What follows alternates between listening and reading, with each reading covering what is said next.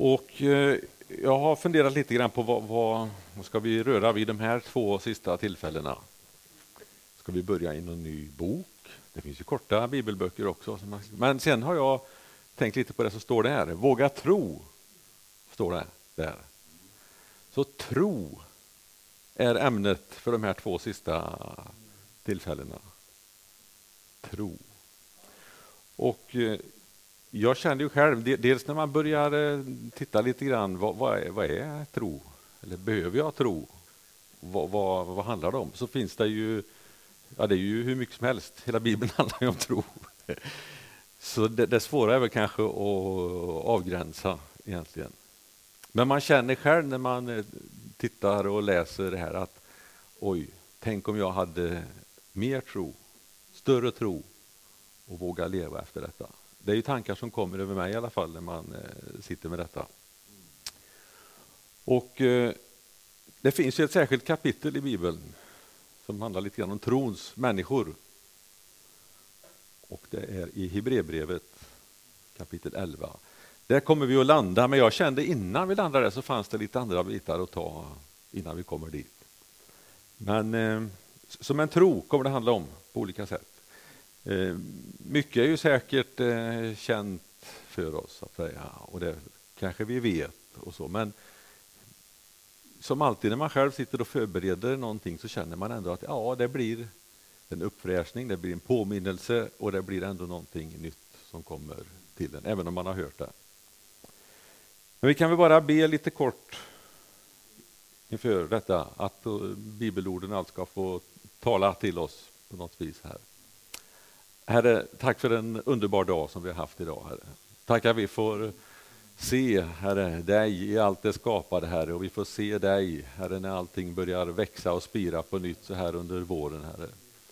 Jag tackar dig för att det får styrka och stärka vår tro, Herre. Jag tackar dig för att det får föra oss närmare dig, Herre. Att när vi ser på skapelsen så kan vi förstå att det finns någon som har skapat allt detta. Någon som har haft en tanke med allt det vi ser, att allting får fungera så gudomligt, Herre. Jag tackar dig för att det får eh, skapa en ton i våra hjärtan, Herre, en lovsång till dig, Herre, där vi får upphöja dig och tacka dig för allt det här vackra, allting det vi har, Herre.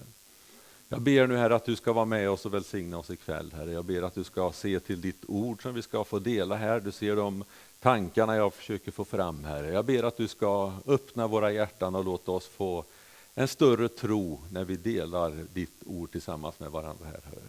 Tack att du välsignar oss var och en som har kommit hit ikväll, Fader. Amen. Eh, vad säger vi om tron? Ja. Det är i alla fall inte någonting som kommer utifrån och som vi kan ta till oss med vårt förnuft egentligen, är någonting som jag kommer fram till i det här. Utan det handlar om det är någonting inifrån hjärtat kommit och den heliga ande får röra vid oss, när Guds ande får tala till oss. Då uppstår tro. Alltså vi kan eh, vittna och predika och det står att vi ska göra, för det, det leder till tro.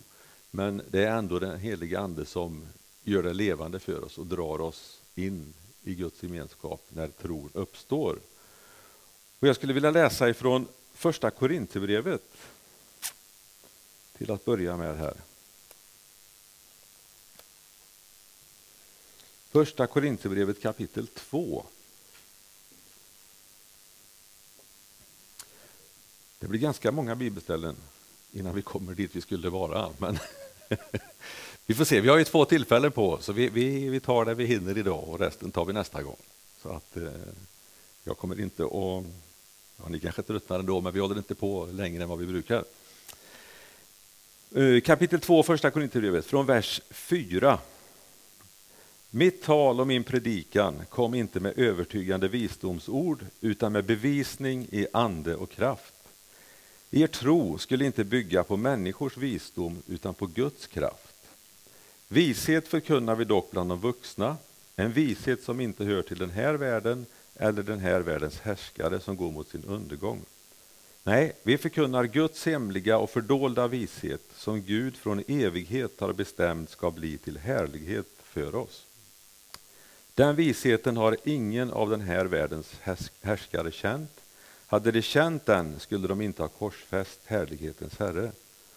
Men som skriften säger, vad ögat inte har sett och örat inte hört och människans hjärta inte anat, det har Gud berett åt dem som älskar honom. Gud har uppenbarat det för oss genom sin ande. Anden utforskar allt, även djupen i Gud. Och vem vet vad som finns i människan utom människans egen ande? Så vet heller ingen vad som finns i Gud utom Guds ande. Men vi har inte fått världens ande utan anden som är från Gud för att vi ska veta vad vi har fått från Gud. Alltså Gud har uppenbarat det för oss genom sin ande, står det. Och det står att ingen vet vad som finns i Gud utom Guds ande. Och utan anden som är från Gud för att vi ska veta vad vi har fått av Gud. Tro ska inte bygga på människors visdom utan Guds kraft. Anden är den som ger tro och skapar tro i oss. Och det står i Efesierbrevet också bland annat att det är en gåva från Gud att vi kan bli frälsta genom tron.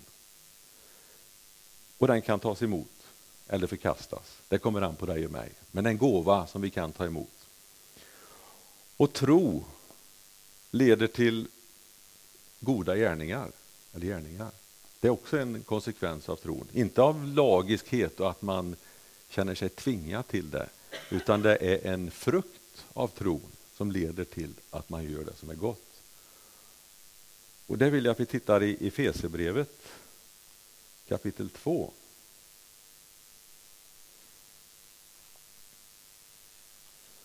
Efesierbrevet kapitel 2 och vers 10.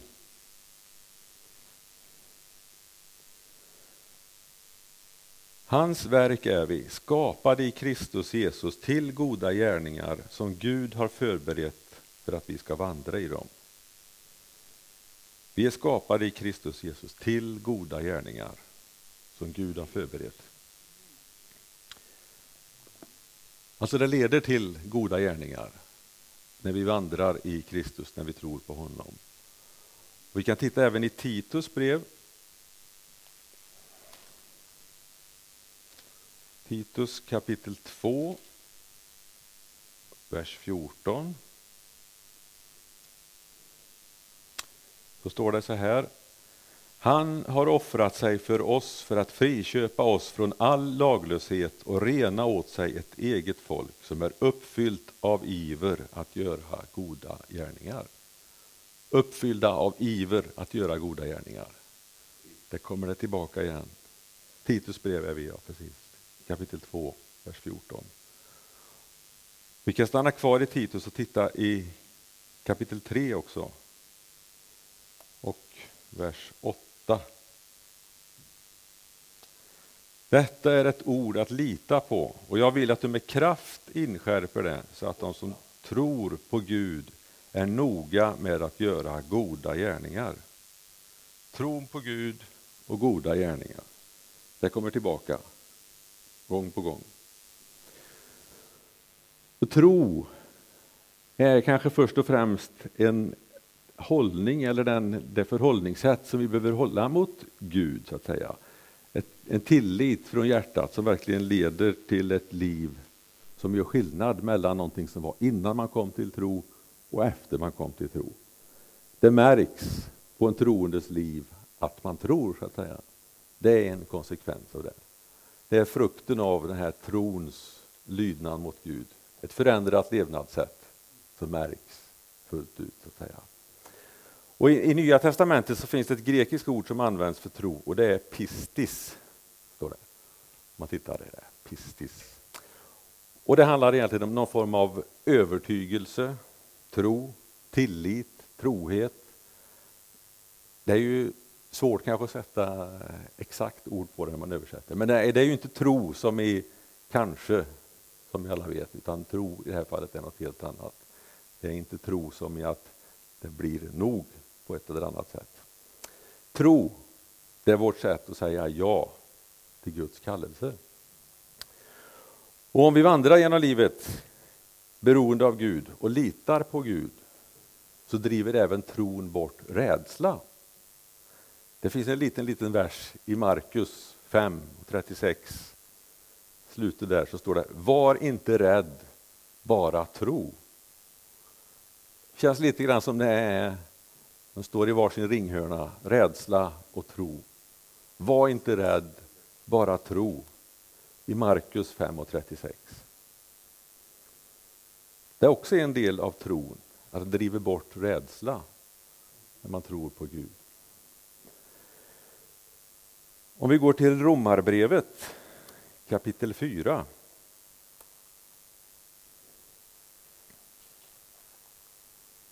Romarbrevet kapitel 4. Så kan vi läsa vers 24. Eh, ja, vi kan läsa 23 också då, så börjar det bättre. Men dessa ord räknades honom till rättfärdighet. Skrevs inte bara för hans skull, utan även för vår skull. Rättfärdighet kommer att tillräknas oss som tror på honom som uppväckte vår Herre Jesus från de döda. Det leder till rättfärdighet att tro, står det. Och rättfärdighet innebär ju ett frikännande. Den dagen Jesus kommer tillbaka och ska döma alla så är vi som tror rättfärdiggjorda genom tron på Jesus Kristus. Varför domen blir ett frikännande när man tror på honom. Motsatsen till att vara fördömd egentligen då så att säga. Och tack vare tron så har det även ett evighetsvärde eller perspektiv när vi tror på Jesus och säger ja till hans försoning. Om vi stannar kvar i kapitel 4 och läser verserna 2 till 5 så står det om Abraham. Och honom kommer vi tillbaka till mer. Han är ju stort namn i sammanhang om tro. Om Abraham förklarades rättfärdig genom gärningar, då har han något att berömma sig av, men inte inför Gud. För vad säger skriften? Abraham trodde Gud och det räknades honom till rättfärdighet. Den som har gärningar får sin lön, inte av nåd utan som förtjänst. Men den som utan gärningar tror på honom som förklarar den ogudaktig rättfärdig, han får sin tro tillräknad som rättfärdighet. Och vi kan göra mycket goda gärningar, att säga. Och precis som det står om Abraham här, så gjorde han också goda gärningar och gjorde mycket.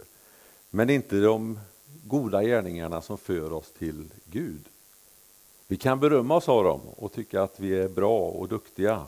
Att säga. Och det kanske har sin funktion, men det är ingenting som vi kan komma med till Gud och säga, men jag gjorde det och jag gjorde det. Det är inte det som leder till himlen, det är inte det som leder framåt. Det betyder inte att vi har en gräddfil eller på något sätt kommer in på något eget sätt bara för att vi gör goda gärningar för sakens skull. Utan det är tron på Jesus, det är tron på Gud som leder till rättfärdighet. Så därför, tron är viktig ur ett evighetsperspektiv, inte bara här och nu. Och I Galaterbrevet 2 så står det att tron på Jesus Kristus leder till att vi blir förklarade rättfärdiga. Tron är grunden i vårt kristna liv. Det är någonting som kan växa, någonting som kan bli större. Och tron har alltid, eller ska ha, inverkan på hur jag lever mitt liv. Och tron påverkar också mitt sätt hur jag möter både medgång och motgång. För motgång, ja alla kanske inte möter mycket motgång, men det finns de som möter väldigt mycket motgång. För det finns inga löften om att vi inte kommer att möta motgång. Utan det är någonting vi kan få räkna med att det kommer att uppstå. Tro. Någon har sagt, eller jag vet inte om jag har läst eller hört, men att det är ro bakom ett kors. Att det är tro. Att stå eller sitta i ro bakom ett kors. Och det är väldigt fint tycker jag. Det känns väldigt bra. Och det känns väldigt bra. Här har vi ett stort kors. Jag satt och tittade på det för jag tänkte väldigt, det är väldigt fint att det är så stort och att det märks och syns så tydligt här. Men det kan, och det kan blåsa på oss, tänker jag, och det gör det ibland då när vi möter motgångar hit och dit. Men då kan vi i tro veta att det finns ingenting som kan rycka oss bort ifrån Gud. Och jag vill läsa det också, även om vi vet det i våra hjärtan och så, så tycker jag det, det är ett så fantastiskt bibelställe här i Romarbrevet 8. Och de två sista verserna i det kapitlet, verserna 38 och 39. Jag tycker det är... Ja, när man läser det, man känner bara hur det tar tag i hjärtat tycker jag. Romarbrevet 8, 38-39.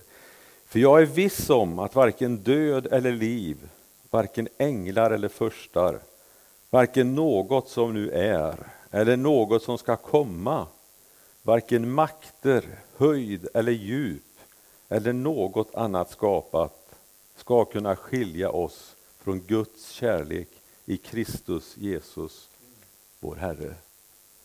Visst är det fantastiskt? Jag tycker det här, att få, att få vila i det. Det är någonting vi kan göra när vi kommer till tro och säger ja till Jesus Kristus. Det finns också en liknelse om tro och senapskorn. Lukas 17 går vi till. Det är många bibelställen som sagt var, men det är bra att få öva. Lukas 17, verserna 5 och 6. Så kommer apostlarna till Jesus och säger så här, ge oss mer tro. Och Herren svarade, om ni har tro bara som ett senapskorn, då ska ni kunna säga till det här mullbärsträdet, ryck upp dig med rötterna och plantera dig i havet, och det skulle lyda er.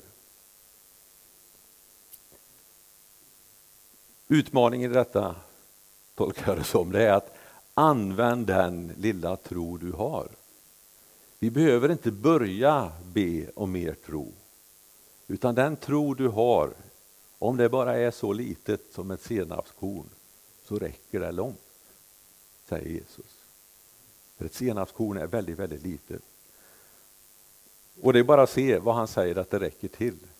Ryck upp dig med rötterna, kan du säga till ett träd, och plantera det i havet, och det ska göra det.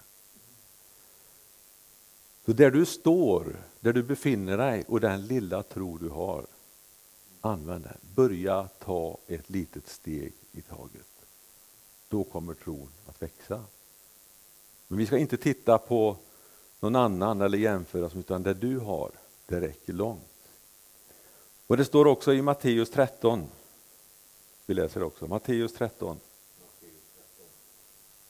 Och kapitel ja, 13, ja. Matteus kapitel 13, vers 31 och 32.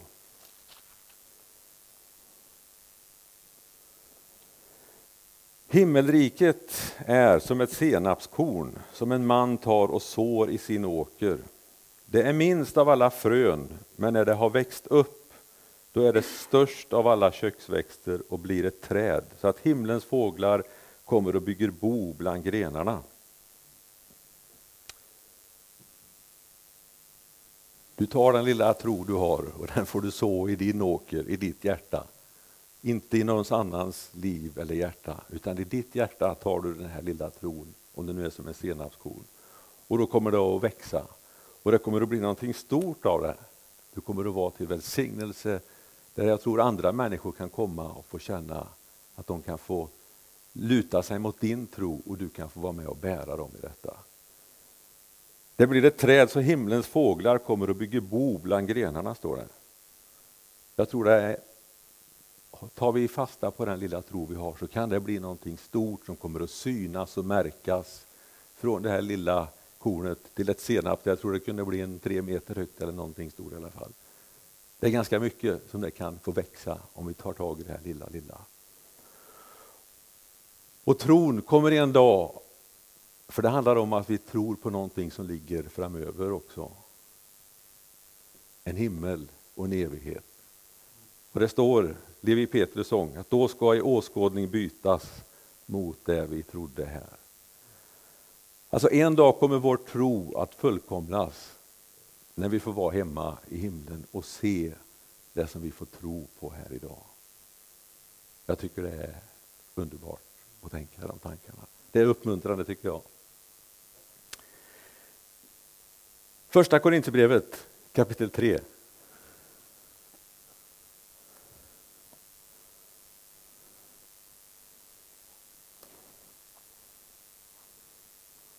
Första Korinthierbrevet kapitel 3, vers 6 och 7.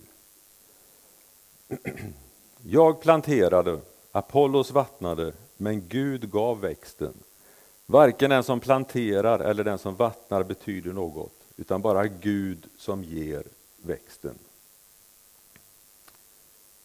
Precis som med senapskornet, det handlar inte om storleken på din tro i det här fallet. Vi bidrar med lite olika saker. Utan det handlar om att vi har en tro på en stor Gud som kan göra någonting. Det är inte du och jag med vår tro. Den kan vara liten, men den tron på en Gud som är stor, då sker det någonting.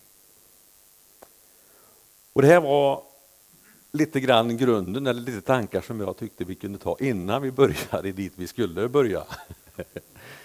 I Hebreerbrevet kapitel 11. Det, det, blir så där ibland, man börjar någonstans och så backar man tillbaka istället. Så till slut så har man... Men eh, jag tänker vi, vi läser de första elva verserna i Hebreerbrevet kapitel 11. Rubriken är Trons människor. Och alltså det här är så... När man tar de här olika människorna och går tillbaka och ser på vad, vad de har varit med om, vad de har gjort. Ja, det rör om i hjärtat känner jag och, man, och det skapar en större tro i ens eget liv. Vi läser de första tolv verserna, förlåt, jag sa nog elva, men för första tolv verserna. Tron är en övertygelse om det man hoppas, en visshet om ting som man inte ser.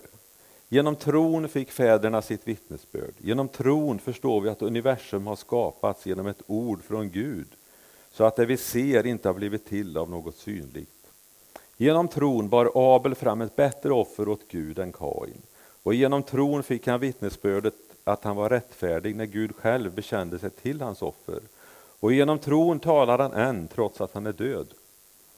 Genom tron blev Henok hämtad utan att möta döden och man fann honom inte mer, för Gud hade hämtat honom.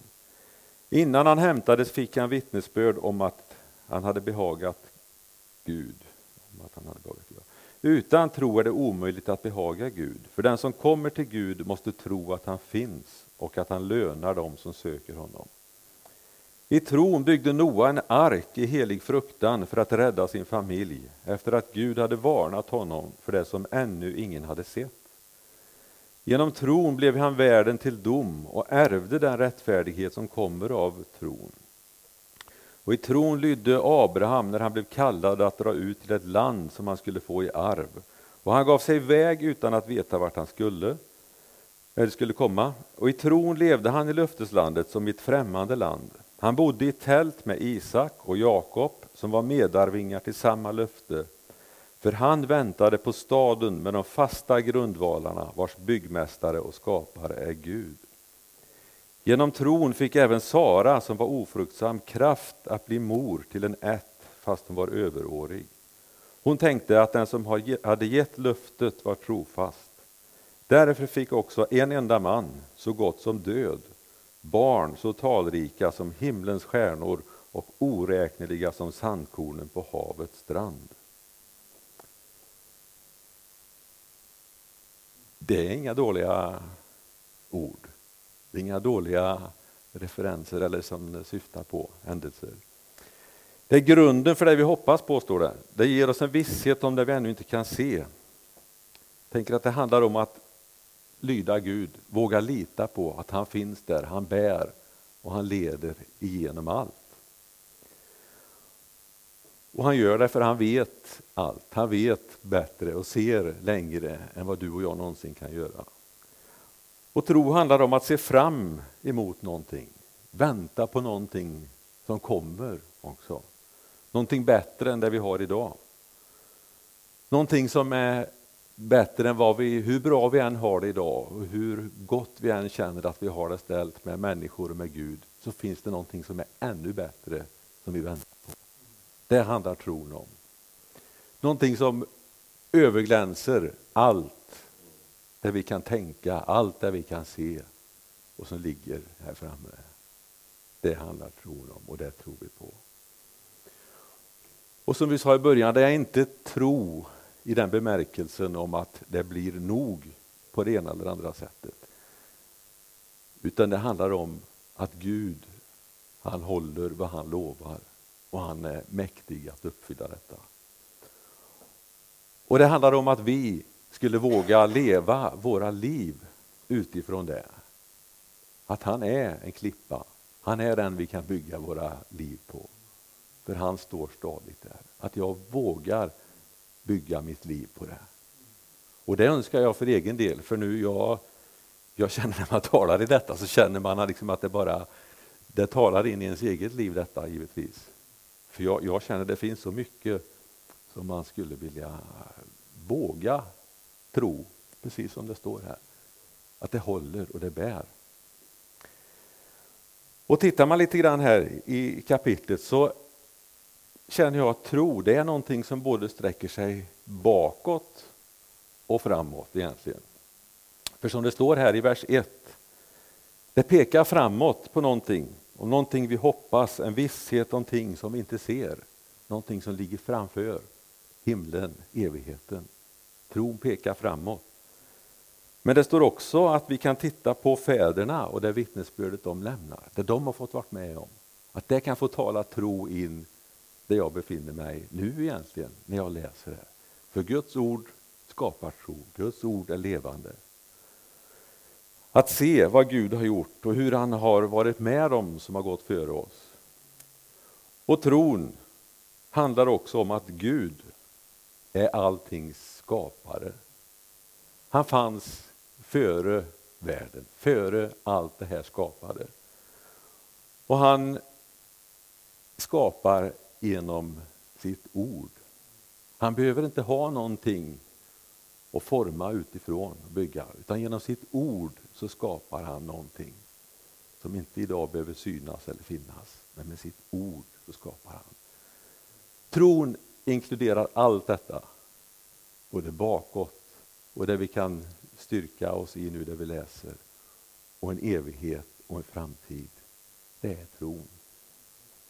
En Gud som talar till oss genom skapelsen, står det i Romarbrevet 1 och 19 bland annat. Att allt det vi kan se, det är nog egentligen för att vi skulle tro när vi tittar på allt det skapade. Men det har människan vänt ryggen till och lämnat, står det också. Men det skulle vara nog för att vi skulle tro på en Gud. Hebreerbrevet är skrivet till redan troende.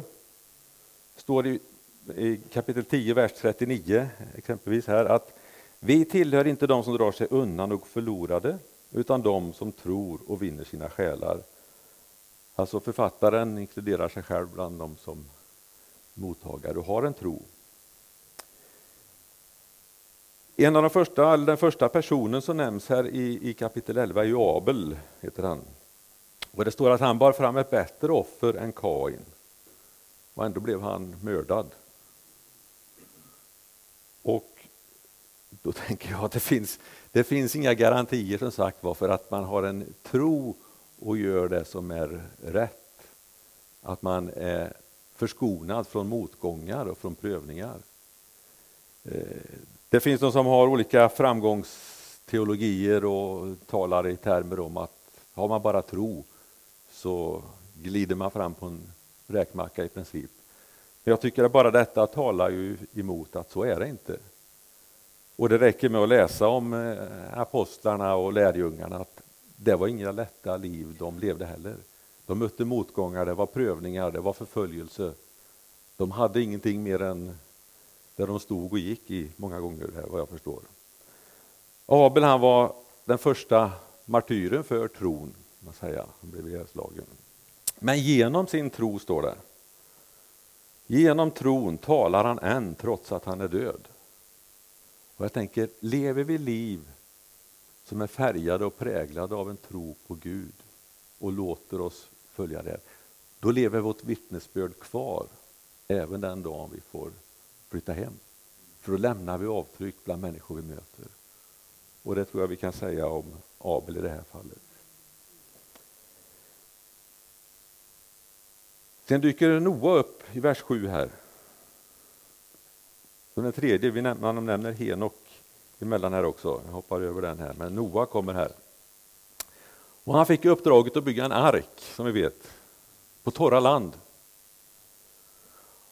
Och om jag förstår det här rätt så när Noa började bygga arken så har det fortfarande inte regnat någon gång på jorden. Det står ju i första Mosebok 2.6 att det steg upp en dimma och vattnade jorden. Regnet var inte med från början. Och om jag inte är helt fel ute nu så har det inte regnat någon gång innan det att Noa bygger arken. Och det skapar ju ytterligare en proportion eller en dimension om man säger till hur starkt att ställa sig på land och bygga en ark när det inte har regnat. Alltså hade det varit översvämningar då och då kunde man kanske tänka att ja, rätt vad det så kommer det en ny översvämning. Men det hade inte regnat. Och här står han och bygger en ark. Ni får kontrollera detta så att inte jag lurar er nu. Men eh, oavsett så är det en trosteg att bygga en stor ark på torra land i alla fall. Och det står där att Gud hade varnat honom för det som ännu ingen hade sett.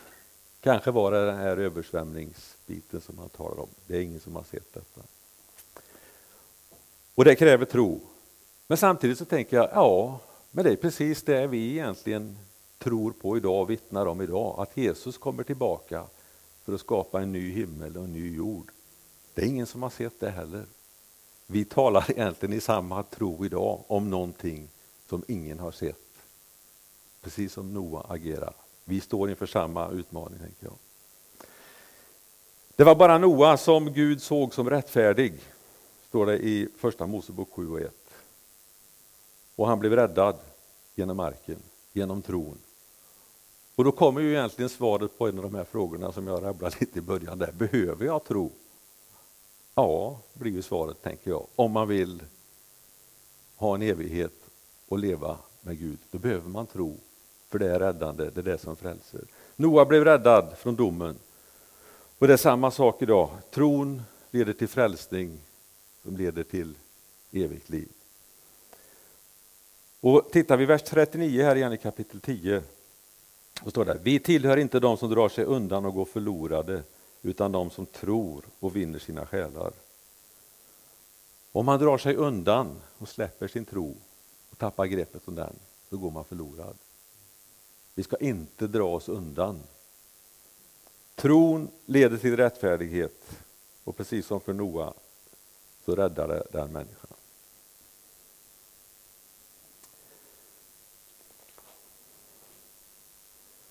Nu funderar jag på om vi ska gå in i, vi kan börja titta på Abraham, ta lite grann där.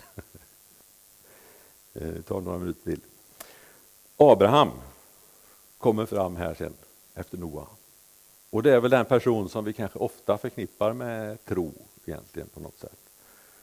Och där kommer ju lille Petrus sång tillbaka igen. Gör så som Abraham gjorde, blicka mot himlen upp. Och medan du stjärnorna räknar så växer din tro och ditt hopp. I första Mosebok 15 och 6 så står det att och Abraham trodde på Herren och han räknade honom det till rättfärdighet. Tron leder till rättfärdighet, rättfärdighet, ett frikännande. Och Abraham är väl som sagt var förebilden på en person som har levt i tro, både för eh, oss kristna och för judarna. Och i Romarbrevet 4 där var vi förut. Vi går tillbaka lite igen. Romarbrevet 4.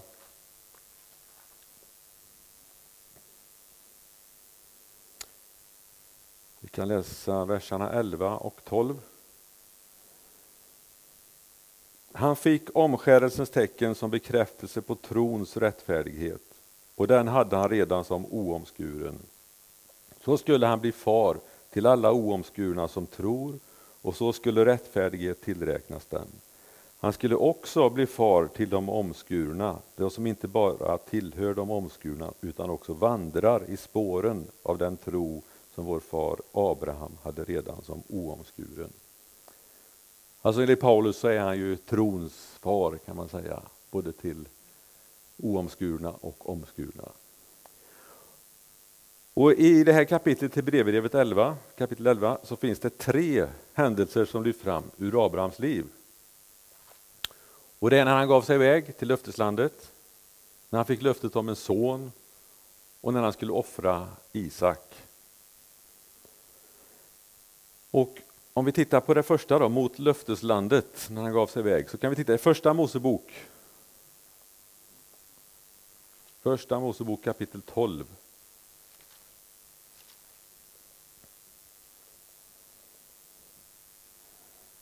De fyra första verserna. Ja, precis i början. Jo. Första Mosebok kapitel 12.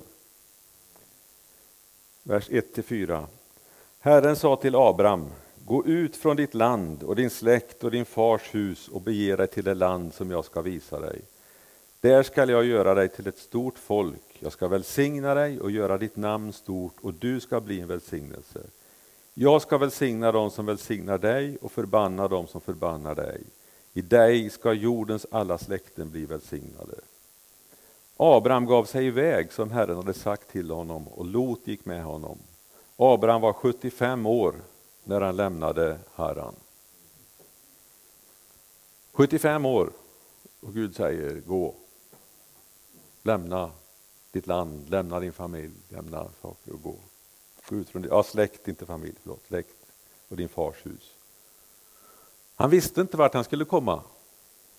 Han hade inte hela svaret, men han gick. Och Gud skulle visa honom. Jag ska visa dig, säger Gud. Det fanns någonting större som han gick iväg. Och det fanns någonting som var större än det, var, än det land som han var på väg till. Om vi går tillbaka till Hebreerbrevet igen.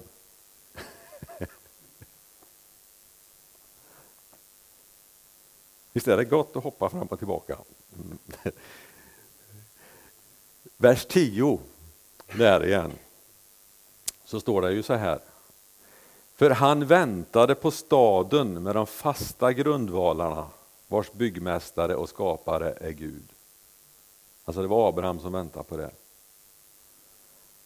Alltså han väntar på någonting större än det han kunde få uppleva och se här nere på jorden. Det Gud leder oss in i här nere, det är på något sätt hela tiden någonting för att bygga vidare och gå vidare och leva i detta. För vi är bara här nere tillfälligt, som gäster, som besökare. Det här är inte vårt hemland egentligen. Vårt hemland är i himlen. Vi är bara gäster här nere. Och Abraham visste att Gud hade mer i beredskap. Och det handlar tron om för oss också, tror jag. Och våga lita på att Gud har mer i beredskap åt oss än det vi står i och det vi kan se här. Vi har ett evighetshopp, någonting som ligger där framme. I Filipperbrevet 3.20 står det att vi har vårt medborgarskap i himlen. Och trots löftena här om att gå ut ska jag föra dig till ett annat land, så fick varken Abraham, Isak eller Jakob vara med och se det landet. De fick aldrig leva och vara med. Men kanske kände Abraham så, jag vet inte, hela tiden i sitt hjärta, det vi läste i vers 10 här. Och Abraham hade blicken fäst vid slutmålet, vid himlen. Det var det som ledde och gav honom styrka. Jag vet inte riktigt, men jag kan tänka mig att det var så. För allting det vi möter här nere, hur jobbigt det än är och hur tufft det än är med motgångar, vi drabbas på olika sätt och det är få som sagt som är förskonade, så är det en väldigt, väldigt kort och liten tid. Hur jobbigt det än är och hur tufft det än är, så är det en liten tid här nere. Sett i ett evighetsperspektiv. Det är svårt att ta fasta på det när man möter mycket, men det är ändå någonting som jag upplever att Bibeln talar till oss om. Ha blicken fäst på Jesus och förstå att det finns mer. Det här är bara en kort tid som vi går igenom. Orkar ni några minuter till? Då tar vi det andra löftet om en son också. För Gud sa till dem att de skulle få en son och då log och skrattade både Abraham och Sara egentligen. Ska det födas barn åt en man som är hundra år? sa han. Och ska Sara föda barn, hon som är 90 år? De log båda två och skrattade åt detta. Det står att även Sara log när hon hörde det. Men då säger Gud till Abraham, skulle något vara omöjligt för Herren? Skulle något vara omöjligt för Herren? Och det är en Gud som vi får tro på och sätta vår tillit till. En Gud som ingenting är omöjligt för. Abraham trodde på Gud trots allt. Och det var ju det som räknades honom till rättfärdighet. Då det. Och det står här i, i Mosebok, nej det stod kanske här i vers 11 förresten, vad dum jag är här. I, här står det i vers 11, i kapitel 11 om Sara. Hon tänkte att den som hade gett löftet var trofast. Och det är lite grann det vi sa förut också, det är inte storleken på din tro som är det viktiga, utan det är tron på en stor Gud. Hon trodde på en Gud som var trofast, även om hon hade svårt att tro på själva undret i sig. Och förutsättningarna var ju lite grann som eh, Abraham säger också här, eller det står här att en man så gott som död, står det. Det är klart, då är det, ja, det är ganska dåliga förutsättningar mänskligt sett då, om man tänker så. Men vi vet hur det gick. De fick en son. Gud höll vad han lovade. Det handlar inte om att bedöma utifrån våra mänskliga förutsättningar och det vi kan se och förstå. Tron är ingenting med vårt förstånd att göra. Det är någonting som växer i oss genom Andens kraft. Och när vi läser bibelordet, då verkar Anden i oss. När du och jag vittnar för människor vi möter, då verkar Anden i deras liv. Tro, att våga släppa taget och lita på Gud. Att han ser saker från sin horisont, inte från våran begränsade vy. Det är han som har skapat allt. Det är han som har skapat naturlagarna. Han råder över naturlagarna. De begränsar inte honom, för han har skapat detta. Gud skapar med sitt ord. Och I vers 3 stod det, universum har skapats genom ett ord från Gud. Alltså Gud skapar utifrån ingenting. Han behöver ingenting för att skapa ett ord från honom. Det skapar kraft i hans ord. Utifrån ingenting så blir allting till. Det var det andra löftet. Det tredje löftet tar vi nästa gång. Och sen finns det mer i kapitlet. Men det, och det tredje löftet, jag tycker det, det, det finns en liten pass, den är, och det är otroligt starkt. Ni kan gå hem och läsa det får ni se om ni tänker på samma sak som jag tänker nästa gång. Men det, ja. Mm. Vad tänker ni om tro? Det är både svårt och enkelt. ja.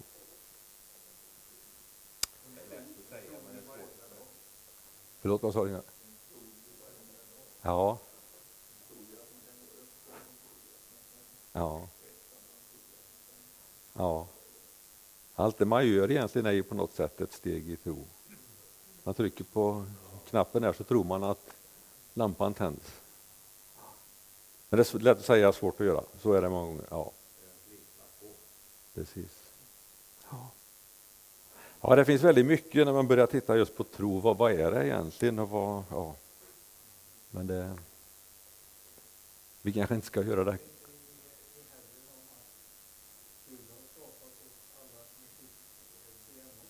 Mm, ja, precis. Precis.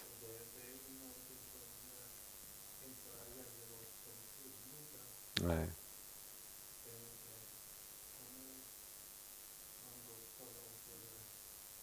Mm. Ja. Precis. Och det är väl kanske det som händer på något sätt då när vi vittnar, när vi läser bibelordet så startar det någonting och så med Andens kraft så får det röra vid det här DNA som finns i varje... Ja. Som sagt var, det handlar inte om att vi med vårt förstånd ska kunna förklara det här utan det ligger på ett annat plan. Det är tro, en förvissning, en övertygelse. Någonting. Ja.